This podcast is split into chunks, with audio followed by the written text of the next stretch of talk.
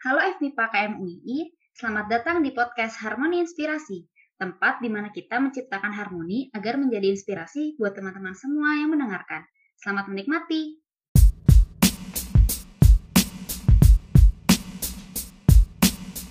Assalamualaikum, hai Sobat FMIPA, perkenalkan aku Nindala Divani Ayudia.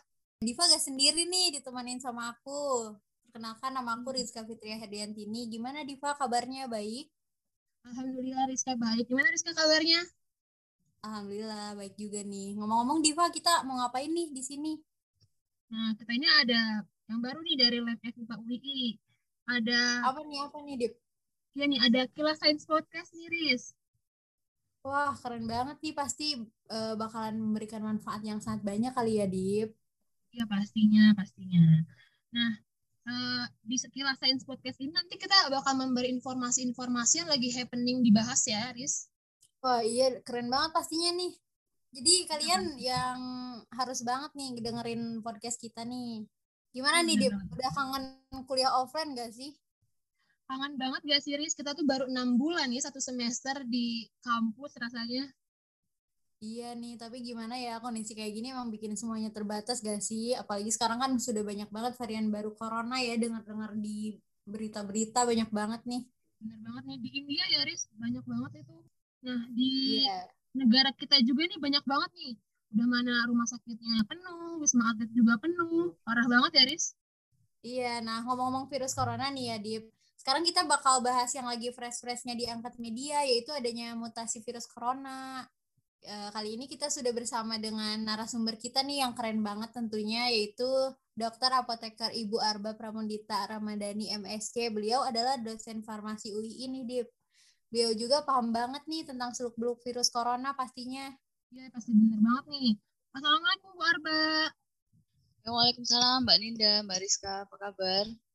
Baik, Gimana Bu. Ibu kabarnya? Alhamdulillah kita baik ke Bu. Alhamdulillah sehat. Mohon izin ya, Bu. Jadi sepertinya kita banyak banget nih pertanyaan ya nih, Riz ya, bener ya? Iya. Seputar virus tentunya ya, Dev. Virus yang sedang booming-booming Iya. banget nih dari udah berapa, hampir dua tahun kali ya kita. Ya, udah ada Dihadapkan tahun dengan kita ngerasain kayak gini ya. Ya langsung ya untuk pertanyaan-pertanyaan ini Bu, dari saya nih Bu. Apa itu mutasi virus dan bagaimana virus dapat bermutasi sih Bu? Eh, mungkin sebelum saya menjawab pertanyaan, kita perlu tahu dulu nih virus itu apa. Jadi nanti biar lebih mudah ya. Dan saya akan kasih analogi yang eh, sederhana aja. Jadi virus itu suatu mikroorganisme. Kata mikro berarti kan kecil ya kayak gitu. Nah, Bu. apa itu seperti halnya manusia gitu itu kan ada DNA, ada penyusunnya. Virus itu sangat kecil sekali. Kayak gitu. Penyusun utamanya itu kita sebut dengan asam nukleat kayak gitu. Jadi kalau virus yang sederhana mungkin hanya beberapa, kalau yang virus yang cukup besar bisa 200. Nah, karena virus ini sangat kecil, nggak sekompleks kita yang manusia, dia butuh untuk bertahan hidup. Nah, untuk bertahan hidup dia itu eh, namanya mereplikasi diri. Kayak misal Mbak Rizka Mbak Ninda nih mau oh, ujian ya nggak punya catatan kan ngopi punya temen nih biar bisa tetap ujian kan kayak gitu bisa survive ya. Begitu juga dengan virus nah jadi virus itu dia harus mengcopy dirinya ya bereplikasi tadi ya untuk eh, bisa bertahan hidup ya seperti itu nah saat dia mengcopy ini ya saat eh, dia mengcopy diri jadi misal eh, virusnya nempel nih di di si A lalu habis itu eh, dia kan berpindah nih ke si B ya. Dia untuk bisa bertahan di si B dia akan mereplikasi diri, memperbanyak diri ya. Ternyata di si B ini kondisinya berbeda kayak gitu. Nah, saat mengcopy diri inilah itu ada proses perubahan. Itulah yang dinamakan mutasi. Nah, perubahan ini sebenarnya adalah perubahan dari susunan tadi eh, strukturnya virus yang kita namakan tadi asam nukleat kayak gitu. Dan ini sebenarnya hal yang lumrah untuk virus untuk dia itu bermutasi. Kadang dia saat mutasi ber- berubah seperti itu ya. Jadi mutasi itu berubah tapi perubahannya kecil bisa jadi dia menjadi inaktif lalu malah mati itu virus. Tetapi ada kalanya dia berubah malah justru jadi lebih eh, bisa menginfeksi, lebih ganas. Nah, itu yang sekarang menjadi problem. Jadi pertanyaan pertama tadi apa itu mutasi virus? Yaitu tadi perubahan eh, apa itu genetik dari virus, yaitu terutama di susunan asam nukleatnya. Kayak gitu. Dan kenapa virus dapat bermutasi? Karena tadi saat dia mereplikasi diri, dia mengcopy dirinya itu ada suatu error, ya. Jadi berbeda nanti tempatnya dia bereplikasi, maka dia akan menyesuaikan diri seperti itu. Ya jadinya akan terjadi tadi perbedaan perubahan lalu kita sebut namanya error kayak gitu. Misalnya seperti Mbak Ninda apa Mbak Rizka kayak gitu uh, suruh fotokopi di UI print nih ya ngeprint uh, fotokopinya sambil ngobrol satu ada yang menceng sini satu ada yang menceng sana seperti itu juga jadi tergantung uh, situasi tergantung kondisi tergantung uh, sebenarnya kalau kita bicara lebih detail adalah tergantung faktor genetik uh, tempat virus itu tinggal. Tergantung environment eh, environment atau tergantung lingkungannya seperti itu. Nah kalau sebenarnya perubahan di virus itu ada dua macam mbak Ninda mbak Rizka. Satu kalau perubahannya sangat kecil itu dinamakan mutasi seperti yang sekarang lagi booming nih. Tetapi kalau perubahannya cukup besar, jadi uh, genetiknya yang berubah itu cukup besar, itu dinamakan rekombinan. Kayak gitu. Tetapi hmm. mutasi aja udah bikin masalah nih. Kayak gitu. Iya, iya, Jadi perbincangan banget nih Bu di sekarang ini mutasi ini. Sebenarnya itu faktor-faktor apa sih Bu yang dapat menyebabkan virus ini bisa bermutasi gitu Bu? Oke, kalau kita bicara detail tentang dunia pervirusan ini ya, jadi bagaimana virus itu bermutasi, uh, mungkin saya kasih uh, short recap aja nanti uh, intinya seperti apa. Jadi kalau virus itu kan tadi ada strukturnya ya, ada struktur asam nukleatnya. Kalau ada paparan apa itu fisik ya dari luar misal ada UV, ada X-ray sehingga ada perubahan di asam nukleatnya, dia akan Lalu ada perubahan behavior atau dari asam nukleatnya ini tadi dari satu orang ke orang yang lain. Oh orang ini misal ras Jawa, yang ini ras Sumatera. Itu kan nanti berarti akan memberikan suatu lingkungan yang berbeda saat virus itu mau mereplikasi diri. Ini juga bisa merubah asam nukleat. Dan saat dia mereplikasi diri itu dibutuhkan enzim. Nah kalau ada enzim yang berubah pada seseorang, karena kan eh, kalau dari tampak luar itu kita nggak tahu ya enzim di dalam diri kita bagaimana. Tetapi kalau sudah bicara di dalam, virus bisa mengenali, oh ternyata enzimnya ini berbeda, maka dia akan juga berbeda. Seperti itu. Sehingga eh, kalau boleh dibilang kayak gitu ya, eh, mutasi ini terjadi karena virus tadi eh, apa beradaptasi dengan lingkungan dia tumbuh seperti itu. Dan memang sebenarnya mutasi ini sangat erat kaitannya dengan eh, apa itu diversitas genetik. Maka kalau kita bicara secara detail tentang virus COVID, ya, kalau kita eh, apa mau memutus mata rantai mutasi, maka kita harus memutus penyebarannya. Karena semakin virus menyebar, ya, misal eh, yang sekarang happening kan yang dari Delta dari India nih, awalnya dari India, nanti sampai Indonesia dia kan juga bisa berubah lagi, kan kayak gitu karena bisa jadi genetik background kita berbeda ada perbedaan lah nggak apa yang 100% mirip kan seperti itu. Maka semakin virus itu menyebar maka kemungkinan mutasinya dia akan semakin tinggi. Karena tadi eh, lingkungan tempat dia hidup itu berbeda. Seperti itu. Hmm. itu mbak Nina berarti uh, mutasi virus ini lebih berbahaya ya bu daripada yang tidak bermutasi? Ya tadi seperti definisi di awal bahwa virus ini kan apa itu bermutasi itu gampangannya udah fitnya si virus ya. Kalau dia itu mutasinya lalu nanti perubahan genetiknya dia itu bikin dia e, lemah, maka dia memang dengan sendirinya akan apa itu tereliminasi, dia akan mati.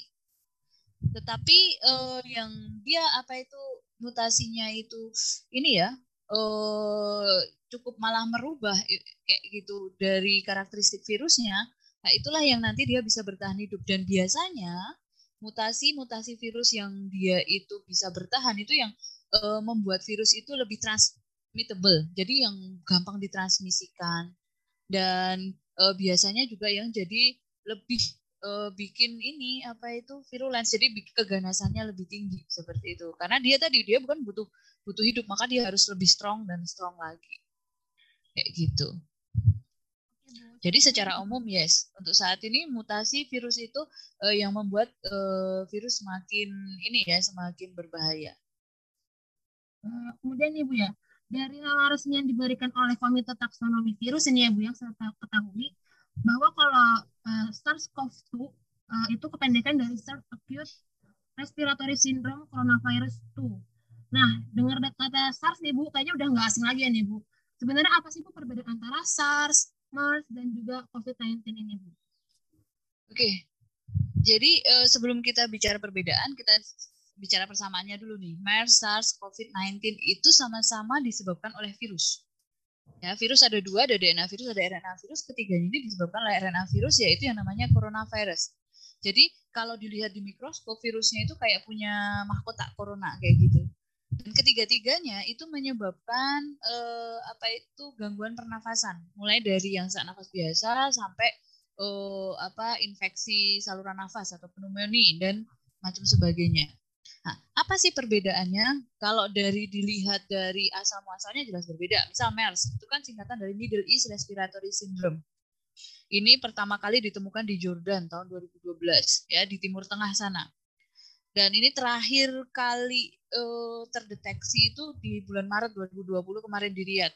Itu setelah beberapa waktu dinyatakan uh, apa itu sudah berhenti gitu ya. Dan ini vektor pembawanya ya itu adalah unta. Oke.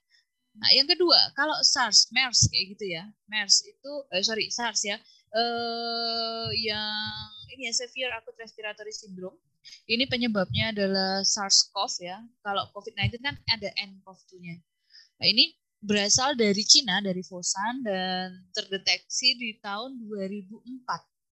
Dan ini vektor pembawa atau pem, hewan pembawanya adalah luwak. Nah, sedangkan yang sekarang ini menjadi uh, problem pandemi kita ini adalah COVID-19 ya, ditemukan jelas di tahun 2019 sesuai namanya. Nah, penyebabnya adalah mirip dengan yang SARS tapi dia novel ya. Jadi yang virus terbaru ya SARS uh, nCoV-2 dari Cina juga ya, dari Wuhan dan vektornya ya uh, dikatakan dari kelelawar meskipun ini belum uh, 100% sure ya. Nah, lalu perbedaan lainnya apa? Perbedaan lainnya adalah waktu inkubasi. Jadi berapa lama si virus ini lalu bisa menyebabkan eh, atau itu gejala muncul kayak gitu bisa terdeteksi. Ya ini beda-beda. Nah, kalau kayak COVID-19 ini kan kurang lebih sekitar eh, apa itu rata-rata lima harian. Itu ya dan eh, tingkat eh, apa itu keparahannya meskipun semuanya global ya, tetapi yang benar-benar eh, bikin pandemi itu yang COVID-19. Seperti itu. Gitu Mbak Ninda, Mbak Rizka. Oke Bu, dari yang kita ketahui bersama nih ya Bu, bahwa penambahan kasus COVID di Indonesia ini makin melonjak. E, banyak sekali varian-varian baru nih Bu, seperti mutasi COVID Alpha atau B117 dari Inggris, terus beta juga ada B13 B1351 dari Afrika Selatan dan juga paling happening tadi yang Ibu bilang itu dari India ya Bu, dari varian Delta atau B1617. Nah, Uh, jika membahas urgensi COVID nih Bu, uh, yang di, yang ada di Indonesia, bagaimana sih Bu keadaan Indonesia sekarang menurut Ibu Bu? Oke, okay. um, mungkin sedikit uh, tambahan Mbak. Kalau berdasar dari data WHO, ya itu tidak hanya ada alfa, beta, delta, tetapi ada gamma. Iya. Gamma itu yang dari Brazil, ya. Jadi uh, bisa cek. Jadi kalau teman-teman mau tahu nih uh, persebaran apa itu COVID-19 lalu uh, seperti apa cek dari sumber yang terpercaya misal dari uh, apa itu WHO ya Badan Kesehatan Dunia atau kalau di Indonesia di berita-berita terbaru itu di covid19.go.id ya jadi tentang vaksin tentang uh, ini ada di sana semua nah jadi yang disebutin Mbak Ninda tadi ada alfa beta delta dan kalau di uh, apa WHO itu ada gamma ya itu merupakan suatu uh, sorry itu kategori virus yang varian of concern yang sekarang ini sedang uh, jadi problem kayak gitu. Nah sebenarnya di luar itu ada namanya yaitu varian of interest kayak gitu ya. Jadi kalau varian of concern ini yang sekarang uh, apa itu keganasannya itu bikin ini ya namanya ketar ketir nih bikin uh, apa kondisi gejala klinis yang uh, cukup uh, parah nih kayak gitu. Tetapi ada juga sebenarnya varian-varian of interest yang mungkin diprediksikan ini kalau tidak di apa itu di track ya, tidak dicegah uh, nanti bisa juga jadi berubah jadi varian of concern yang nanti dia akan uh, apa menyebabkan problem lagi nih kan kayak gitu ya. Nah, nanti teman-teman bisa lihat tuh di situsnya WHO. Nah, kalau di Indonesia bagaimana? Jadi di Indonesia eh, berdasar beberapa report eh, ditemukan ada varian alfa, beta, dan delta. Tetapi memang yang paling banyak adalah yang delta. Kenapa yang delta? Karena ternyata kalau yang varian delta ini dia transmittable-nya cukup tinggi. Jadi dia lebih oh apa bisa ini ya menginfeksi orang lain itu jauh lebih tinggi seperti itu. Meskipun di beberapa uh, report ada yang menyebutkan ya, uh, tapi ini reportnya tidak di Indonesia sih ya, di luar negeri bahwa meskipun varian Delta itu meningkatkan angka COVID, tetapi uh, gejala klinisnya itu tidak terlalu parah.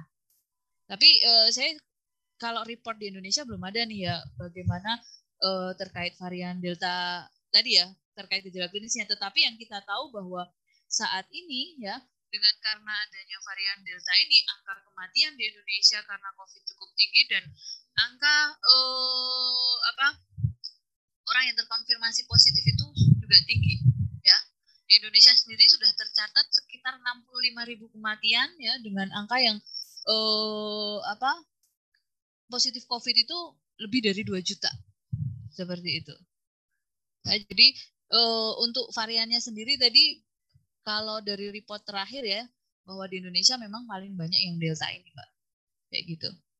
Berarti udah dapat disimpulkan banget ya, Bu, uh, virus delta varian delta ini lebih berbahaya banget dari COVID-19 yang awal muncul itu ya, Bu?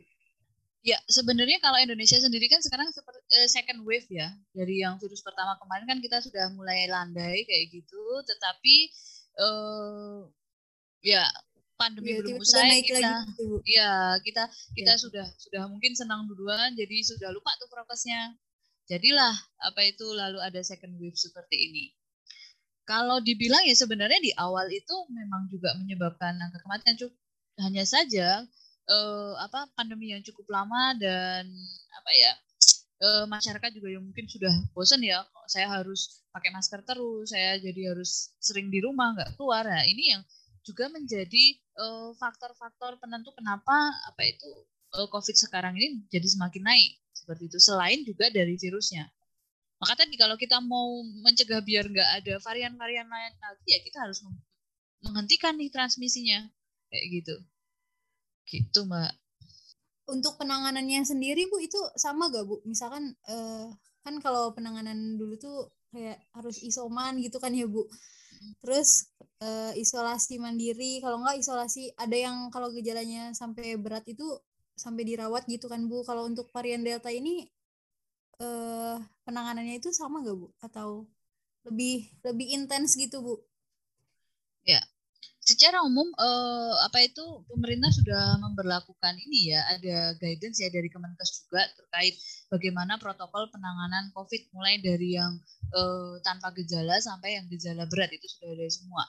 Dan eh, apa itu beberapa ikhtiar juga sudah dilakukan dengan apa itu adanya eh, apa vaksinasi seperti itu. Dan pastinya ya eh, protokol kesehatan yang ketat tidak hanya 3M sekarang sudah 5M atau 6M itu harus tetap wajib. Karena itu adalah satu-satunya cara yang efektif untuk memutus mata rantai. Nah, kalau sudah terinfeksi bagaimana? Ya, kalau sudah terinfeksi ya ini kan ranahnya masuk ke apa itu ini ya, ke penanganan uh, oleh ini ya, petugas kesehatan. Kan seperti itu. Kalau memang saat ini karena angka kesakitan karena Covid cukup tinggi, rumah sakit pada penuh ya, rata-rata yang uh, tidak ada gejala itu ya yang tanpa gejala atau gejalanya ringan diminta untuk uh, isolasi mandiri di rumah. Kalau dulu di saat uh, COVID masih sedikit gitu ya tanpa gejala pun kita isolasi di shelter kan seperti itu. Tapi saat ini kita harus uh, kalau masuk rumah sakit itu benar-benar ini ya jadi ada uh, prioritas seperti itu. Tidak bisa kalau kita misalnya sekedar terkonfirmasi lalu habis itu ke rumah sakit biasanya tidak akan diterima karena tadi bed occupation rate atau keterisian rumah sakit itu cukup tinggi ya. Bahkan kita mungkin juga dengar berita bahwa banyak eh, mungkin ada saudara tetangga ya orang yang kita kenal ya dia butuh rumah sakit rumah sakitnya penuh semua seperti itu. Tetapi secara umum semua sama. Kalau memang eh, apa itu eh, tidak ada gejala maka tidak sebenarnya tidak perlu obat tetapi yang penting adalah untuk menjaga eh, daya tahan tubuh. Kalau sudah ada gejala ya maka nanti bisa dengan obat ya sesuai gejalanya ya. Dan pastinya ada beberapa macam obat yang bisa diberikan dan pastinya itu harus dengan resep dokter ya.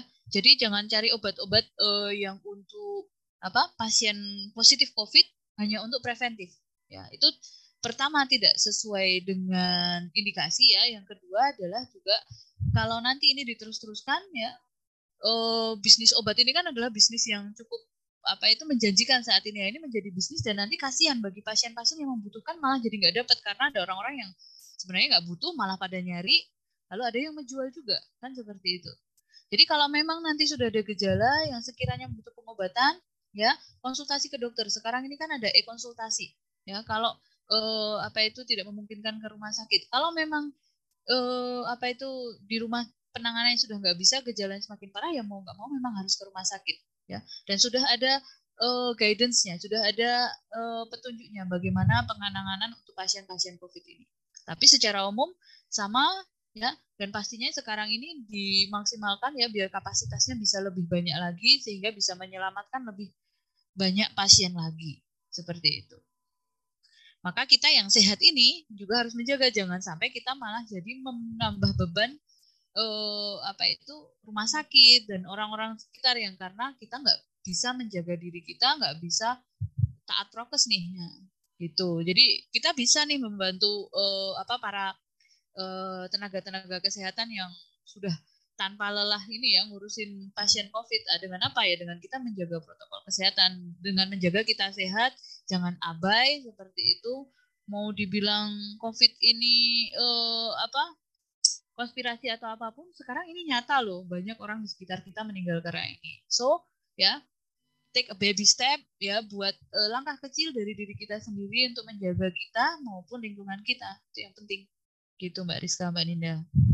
Banget ya bu. Kayaknya udah bahas pembahasannya udah jauh banget ya nih udah, udah ada pengertiannya tadi udah bagaimana cara virus bermutasi dan juga tadi kita membahas tentang mutasi juga ya nih bu. Nah kemudian nih kita menyinggung sedikit nih bu tentang vaksin ya bu Nah, sekarang ini kan pemerintah uh, sedang menggalakkan vaksin kepada lapisan masyarakat ya nih, Bu. Tapi banyak di antara kita salah kaprah, Bu. Iya bener banget Bu, mereka beranggapan bahwa yang sudah vaksin itu artinya tubuh mereka sudah kebal terhadap virus itu, makanya eh, tadi mengabaikan prokes gitu ya Bu. Terus jadi mereka mengabaikan prokes, lalu mereka kena COVID dan bilang buat apa vaksin tetap kena juga, ujung-ujungnya gak sedikit kan Bu orang yang eh, berpikiran seperti itu. Jadi sebenarnya tuh uh, seberapa krusial sih Bu pemberian vaksinasi untuk pencegahan COVID-19 ini Bu? Oke, okay. uh, eh, pakai analogi sederhana lagi Mbak. Kalau misal kita kehujanan nih ya uh, lagi nggak bawa payung, nggak bawa mantel kayak gitu. Um, kita cuma mau nyebrang nih gampangannya atau mau jalan biar kita ke gedung sebelah yang karena mau kuliah nih karena nggak ada payung nggak ada ini pakai apa? Misal kita nutup diri pakai tas kan seperti itu. Basah nggak sih? Bisa jadi basah kayak gitu. Tapi kan iya. kita bisa segera masuk bisa segera kuliah. Nah kalau misal kita mikir terlalu berat tadi ya terkait vaksin ala vaksin juga nanti ini ya analogi sederhananya kayak gitu. Pertama vaksin adalah salah satu ikhtiar untuk uh, setiap orang memiliki kekebalan terhadap virus yang penyebab COVID-19 jadi kita nggak perlu sakit kita nggak perlu sampai uh, dirawat di rumah sakit ya sampai harus seperti sekarang ini banyak orang pasien cari oksigen pada habis tetapi kita sudah punya kekebalan. Oke, jadi kalau vaksin itu kita akan memberikan, mengenalkan tubuh kita, ya, e, mengenalkan tubuh kita terhadap virus penyebab COVID. Tetapi virusnya ini sudah dimodifikasi sedemikian rupa, maka saat masuk ke dalam tubuh kita, dia tidak akan menyebabkan kita lalu positif COVID kalau misal kita demam ya lalu badan nggak enak lalu bekas suntikan vaksinnya jadi pegel-pegel itu adalah suatu uh, gejala yang wajar dan biasanya beberapa hari hilang. Tapi kenapa bu kalau saya sudah divaksin kok masih bisa positif covid? Karena tadi vaksin itu tidak uh, kan masih dalam proses pengembangan dan belum 100% efektif ya. Belum 100% efektif bisa mencegah tetapi ada batasan untuk vaksin bisa dipakai di Indonesia oleh Balai POM itu ada yang namanya eh, apa itu eh, izin yang harus dilewati, ya. Emergency Use Authorization. Jadi penggunaan pada saat emergensi. Nah ini ada syaratnya. Syaratnya apa? Syaratnya adalah ada efektivitas. Kalau dulu Sinovac itu ya pertama kali vaksin yang dikeluarkan eh, dari Balai POM itu sekitar 50% dari Sinovac bisa di atas itu. Lalu yang kedua adalah keamanannya. Dan ini sudah diujikan ke manusia loh ya, nggak hanya uh, di apa itu sel secara in vitro, tetapi pada manusia oh ada aman, baru bisa dipakai. Maka vaksin-vaksin yang diberikan itu memang sudah memenuhi syarat tadi. Nah, kalaupun ada orang yang sudah divaksin kok kena, ini maka biasanya ya gejalanya tidak akan separah orang yang belum pernah divaksin. Seperti itu. Jadi misal pun kena eh, COVID-19 ya eh, positif seperti itu ya nanti gejalanya akan lebih ringan. Ya. Kalau apa itu tetapi ada juga yang karena dia divaksin dia jadi kebal karena tadi berarti kekebalan tubuhnya bagus, terbentuk imunnya bagus seperti itu. Nah, maka bisa terhindari. Tetapi kalaupun terkena biasanya tidak akan separah yang tidak divaksin ya itu nah yang perlu dipahami juga bahwa kalau vaksin itu kan ada beberapa dosis nah kalau dosisnya belum full itu ya belum fully protected kan kayak gitu. Nah setelah dosis biasanya kan dua dosis nih setelah dosis kedua pun itu juga butuh waktu ya. Jadi eh, vaksin yang masuk ke tubuh kita itu butuh waktu untuk berproses biar kita itu bisa eh, apa terlindungi seutuhnya. Nah itu yang uh, perlu dipahami sehingga baru aja suntik vaksin sekarang habis itu malah jalan-jalan nggak pakai masker ke kerumunan pula. Nah, ya sudah itu namanya nantang nih kan kayak gitu kalau memang positif ya apa itu salah siapa nih jadinya salah orang ya kan kayak gitu ya Kemudian nih Bu, tadi kan menyinggung Sinovac ya Bu, itu kan satu, salah satu jenis vaksin yang tersedia di Indonesia. Sebenarnya ada berapa sih Bu eh, eh, jenis-jenis vaksin yang tersedia di Indonesia ini Bu? selain Sinovac tadi yang Ibu jelaskan sebelumnya?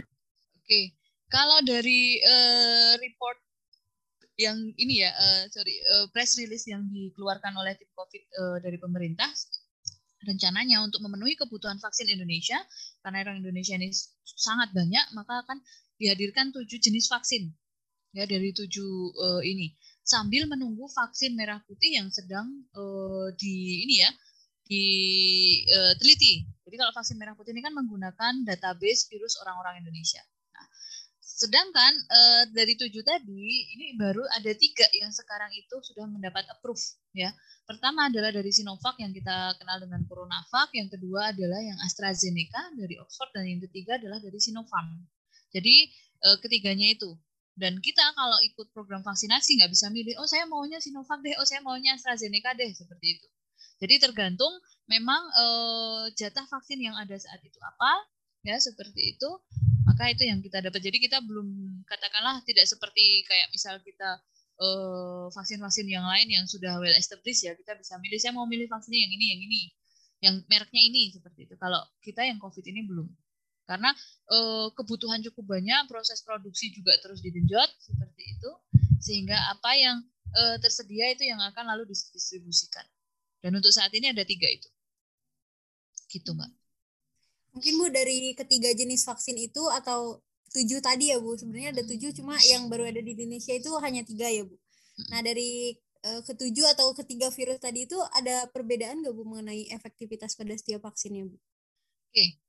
um, pasti ya uh, ada perbedaan efektivitas seperti itu. Nah, efektivitas ini kan kalau kita bicara berapa persen berapa persennya nanti kan kita akan jadi buku uh, apa itu data statistik nih, data epidemiologi nih. Tetapi yang pasti adalah seluruh vaksin yang sudah diizinkan masuk itu sudah melewati batasan terendah yang ditetapkan oleh Badan POM. Berapa vaksin ya efektivitas vaksin yang bisa didistribusikan seperti itu. Jadi syarat minimal untuk uh, emergency use authorization itu sudah terlewati oleh vaksin-vaksin tersebut. Dan WHO baru-baru merilis juga bahwa vaksin yang sekarang dikembangkan ini ya juga uh, diformulasi ya agar bisa nanti uh, ini ya tetap efektif untuk varian-varian yang mungkin ya nanti akan bisa muncul. Maka tadi selain ini kan vaksin itu salah satu ikhtiar ya. Jadi uh, virusnya juga di track. Oh sekarang virusnya ada apa saja ya dikombinasikan dengan produksi dan formulasi vaksin yang nanti bisa menjawab tantangan ke depan. Karena keterbatasan vaksin adalah saat kita misal sudah mendapatkan vaksin saat ini. Bisa jadi ya pengembangan vaksin yang kita gunakan saat ini adalah berdasar virus yang beberapa waktu lalu. Padahal kita tahu tadi saat awal covid dengan sekarang vaksin virusnya sudah beda nih sudah mutasi nih. Kalau dulu hanya apa itu virus uh, covid-19 sekarang sudah ada yang varian macam-macam seperti itu. Nah, itu adalah kesulitan vaksin. Nah, tetapi ya press release dari WHO terakhir menyebutkan bahwa vaksin COVID saat ini juga eh, sudah diformulasikan untuk eh, memungkinkan ya bisa tetap efektif meskipun ada varian-varian baru. Meskipun itu juga tetap harus dalam proses penelitian. Tetapi ke arah ke sana kan sudah ada sehingga kita uh, juga lalu jangan jadi apatis. Ah sama saja saya divaksin nanti virusnya berubah, saya juga kena lagi. Nah, itu itu itu pola pola pola pikir yang salah seperti itu. Dan ingat juga bahwa vaksin itu sebenarnya tidak hanya melindungi diri kita. Saat semua atau banyak orang divaksin, maka kita bisa melindungi orang-orang yang tidak bisa vaksin, misal bayi. Eh, sekarang kan anak 12 tak di atas 12 tahun sudah bisa ya, yang di bawah 12 tahun kan belum bisa. Lalu ada orang-orang yang sangat sepuh yang meskipun kemarin ada vaksin untuk lansia, beliau nggak bisa ikut misal. Lalu ada ibu hamil, ada orang-orang yang memiliki eh, gangguan eh, sistem imun. Nah itu kan misal dia nggak bisa divaksin. Nah itu kita akan melindungi. Gampangannya nih, misal saya, Mbak Ninda, Mbak Rizka, kita ada bertiga nih. Si virus mau masuk nih, misal eh, apa itu kita bertiga-tiganya sudah divaksin ya virus kan nggak bisa masuk gampangannya nggak bisa nginfeksi karena kita sudah terlindungi kalau misal salah satu ada di kita nggak ada yang vaksin misalnya satu nggak vaksin gitu ya maka chance-nya kan satu per tiga maka akan lebih rendah lagi. Jadi itu kenapa kalau kita semakin banyak divaksin bisa melindungi orang-orang sekitar kita kan kayak gitu. Jadi nggak hanya bermanfaat buat diri sendiri nih bisa bermanfaat buat diri uh, buat orang lain juga kan kayak gitu maka niatkan dong kalau mau vaksin uh, jadi uh, buat ibadah. Oh saya bisa melindungi orang-orang yang nggak bisa divaksin. Jadi lebih enteng nih daripada kita selalu berpikir ngapain divaksin? Saya nanti bisa kena covid nanti belum lagi ada varian baru muncul. Ya sudah deh kalau kayak gitu. Nanti nggak nggak jadi nggak ini ya nggak uh, bisa bermanfaat nih nggak nggak ngambil baby stepnya tadi nih untuk bisa melandaikan covid 19 kayak gitu. Uh, saya juga uh, pernah menemukan kasus gini bu, uh, orang itu setelah setelah divaksin mengalami gejala COVID gitu bu, kayak hilang penciuman, demam dan lain-lain gitu bu. Uh, terus uh, orang itu langsung beranggapan gitu bu, ah mungkin ini hanya efek samping dari uh, pemberian vaksin gitu. Nah itu tuh apa apa benar bu? Emang efek samping vaksin itu sampai uh, muncul kayak gejala COVID gitu ya bu? Atau gimana bu?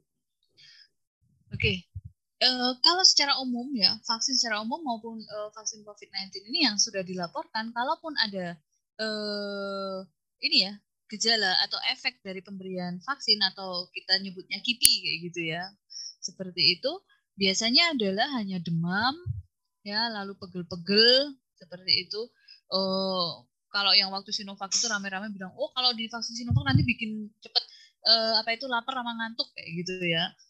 Seperti itu tetapi tidak akan sampai lalu dia jadi eh, nggak uh, bisa membau. Nah, kalau dia sampai nggak bisa membau, malah bisa jadi sebelum vaksin dia sudah terinfeksi. Seperti itu. Karena gejala atau efek samping vaksin hingga saat ini itu uh, tidak ada yang dilaporkan sampai membuat uh, keparahan tinggi kayak gitu. Kalaupun ada kemarin beberapa kasus meninggal, itu setelah di tracking ya, di tracing, dicari, eh, dilihat historinya, memang ternyata orangnya memang sudah ada eh, problem duluan sebelum divaksin. Jadi bukan karena vaksinnya, tetapi karena kondisi tubuhnya yang dia waktu itu ada eh, apa itu gangguan di paru ya, seperti itu, dan ternyata memburuk seperti itu, tetapi bukan karena vaksinnya gitu jadi kalau uh, efek sampingnya sangat ringan dan biasanya dalam satu dua tiga hari itu sembuh ya. Memang di antara uh, vaksin yang ada ini laporan banyak ini ya terkait KIPI tadi banyak terjadi setelah pemberian AstraZeneca. Seperti itu ya. Uh, banyak yang demam lalu uh, badannya nggak enak pegel-pegel. Seperti itu tempat suntikannya juga pegel kayak gitu. Tetapi ya tadi hanya akan hilang setelah beberapa hari tetapi sisi lain ada eh, positifnya juga nih kalau kita mengalami kayak demam setelah divaksin itu berarti sebenarnya tubuh kita itu merespon. Ya, karena demam itu sebenarnya juga salah satu respon imun tubuh kita. Ya, meskipun juga demam itu bisa menjadi salah satu gejala penyakit ya. Tetapi karena kita habis divaksin kalau demam, oh tubuh kita ini merespon ya. Dan kalau sampai uh, tiga, apa itu lebih dari tiga hari nggak sembuh, ini kita baru worry nih tetapi kalau biasanya karena pemberian vaksin dalam beberapa hari sudah sembuh. Jadi uh, untuk uh, efek samping vaksin tadi itu kebanyakan orang hanya demam, pegel-pegel gitu ya Bu, ngantuk ya Bu. Terus lapar mulu ya Bu. Ya, itu nggak divaksin juga kayaknya udah lapar deh. iya, iya Bu. mungkin uh, pertanyaan terakhir nih Bu, tadi udah dijelasin juga sih sebenarnya untuk langkah pencegahan. Mungkin uh, lebih dijabarkan lagi Bu untuk langkah apa saja sih Bu yang harus dilakukan untuk uh, mencegah penyebaran virus corona varian terbaru ini. Lebih jadi lebih ke pencegahan virus terhadap varian mutasi ini Bu gitu dari dari sudut pandang Ibu sendiri ataupun dari sebagai tenaga kerja kesehatan gitu Bu. Oke, ya uh, mungkin uh, buat uh, closingnya ya. Jadi kalau tadi pertanyaan pertama terkait mutasi virus seperti itu, maka uh, kita paham bahwa mutasi uh, virus bisa bermutasi karena semakin uh, tersebar, semakin ditransmisikan dari satu orang ke orang yang lain, maka mutasi semakin akan meningkat. Dan tadi keywordnya, kata kuncinya, kita harus memutus penyebaran COVID untuk bisa mencegah terjadinya mutasi-mutasi lagi. Nah, bagaimana e, caranya agar memutus mata rantai e, transmisi COVID ini, e, sorry virus COVID seperti itu. Maka caranya adalah ya kita e, satu-satunya yang sekarang paling efektif ya seperti itu adalah kita menerapkan protokol kesehatan yang ketat. Kita harus menghindari kerumunan. Nahan dulu deh apa itu e, ke kafe, kongko-kongko seperti itu. Lewat Zoom aja deh apa itu e, diskusinya kan kayak gitu. Lalu jaga jarak. Kalau misal harus keluar rumah, maka selalu jaga jarak. Lalu yang pasti adalah pakai masker. Ya, pakai masker. Jadi masker pun jangan sekarang masker yang uh, yang penting asal masker, tetapi kita harus yakin bahwa maskernya itu protektif. Seperti itu. Kalau um, misal pakai nggak uh, yakin pakai satu masker, pakai masker double. Ya, tapi masker double pun juga ada aturannya, jangan asal double kayak gitu ya. Kalau misal udah pakai masker KN95, Oke, itu satu cukup. Misal mau oh, pakai masker medis, nah itu bisa didobel dengan masker kain seperti itu. Ya. Lalu sering cuci tangan, ya, oh, pakai hand sanitizer seperti itu. Dan pastinya juga yang penting adalah kita harus tahu, ya, lingkungan kita itu seperti apa. Jadi kita harus membatasi circle. Mbak Ninda, Mbak Rizka misal uh, masih harus bepergian, kita harus tahu circle kita siapa kita harus tahu resiko kita siapa karena sekarang ini eh, apa penyebaran COVID ini kan udah sampai ke orang-orang di lingkaran kita terdekat. Kita harus yakin bahwa lingkaran kita ini aman. Seperti itu. Sehingga kalau eh, sekiranya ya kita nggak yakin, ya bisa jadi di rumah kita pakai misal masker karena ada orang luar masuk ke rumah, ya. Seperti itu. Ya. Lalu selalu ingatkan orang lain juga untuk menjaga prokes. Jadi jangan disimpan sendiri nih kayak gitu saya pakai masker saya rajin cuci tangan saya pakai maskernya bagus tetapi orang lain di sekitar kita nggak taat prokes ya nanti lama-lama kegempur juga nih kita. Maka kita juga harus mengedukasi. Dan ini bukan hanya uh, apa itu kewajiban bagi tenaga kesehatan untuk edukasi tetapi bagi semua orang. Kayak gitu ya. Harus mensosialisasikan dan mengingatkan orang-orang yang masih abai dengan prokes ya dengan protokol kesehatan. Karena Eh, satu-satunya uh, cara yang efektif ya saat ini adalah tadi kita menerapkan prokes yang ketat. Di saat vaksin kita tadi bicara belum 100% uh, efektif ya pengobatan juga masih dalam proses uh, apa penelitian mana yang paling efektif maka ya menjaga diri kita menjaga orang lain menjaga sekitar kita yaitu adalah dengan menerapkan protokol kesehatan yang ketat dan benar itu mbak ya. Udah gak kerasa nih Bu udah di penghujung uh, obrolan ya Bu.